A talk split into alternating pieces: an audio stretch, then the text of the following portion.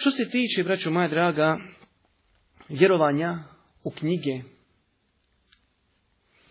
treba da znamo da je Allah subhanahu wa ta'ala objavio Muhammedu alihi salatu wasalam Kur'an, a prije njega nekim poslanicima je objavljivao poslanice drugi. Neki od tih poslanica su nama spomenute imenom i mi mora da vjerujemo u poslanice spomenute imenom tako kako su ispomenute. Allah Đelešanuhu i njegov poslanik nam spominju da je Musa alihi salatu wasalam objavljen Teurat. Kaže uzvišeni Allah, inna enzelne Teurate fiha hudan wa nur. Mi smo objavili Teurat u kojem je upustvo i svjetlost. Štiće hadisa Allahu poslanika alihi salatu wasalam u kojem se spominje Teurat poznati hadisa Omerom radijallahu ta'ala anhu hadisu vjerodostojno se potvrdio šeha Albani rahmetullahi alihi, da je Allah poslanik alihi selam jedne prilike vidio Omera kako drži papir na kojem su bili napisani, znači isjeci iz vrata.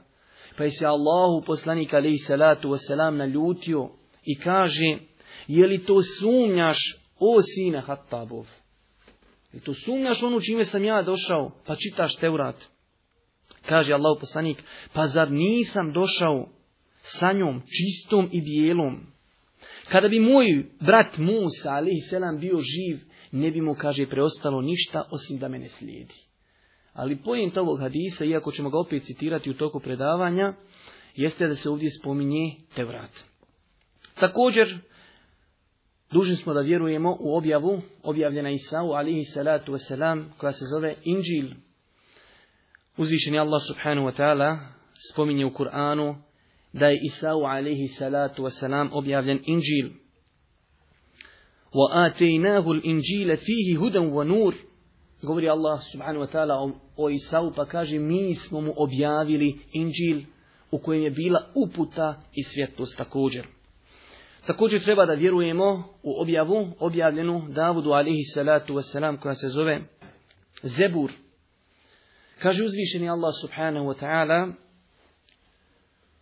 وربك أعلم بمن في السماوات والأرض ولقد فصلنا بعد النبيين على بعض وآتينا داود زبورا Gospodar tvoj dobro zna oni na nebesima i oni na zemlji, mi smo jedne vjerovjesnike na drugima odlikovali, a Davudu smo Zebur objavili i dali. Također od objava koji su spomenute imenom jeste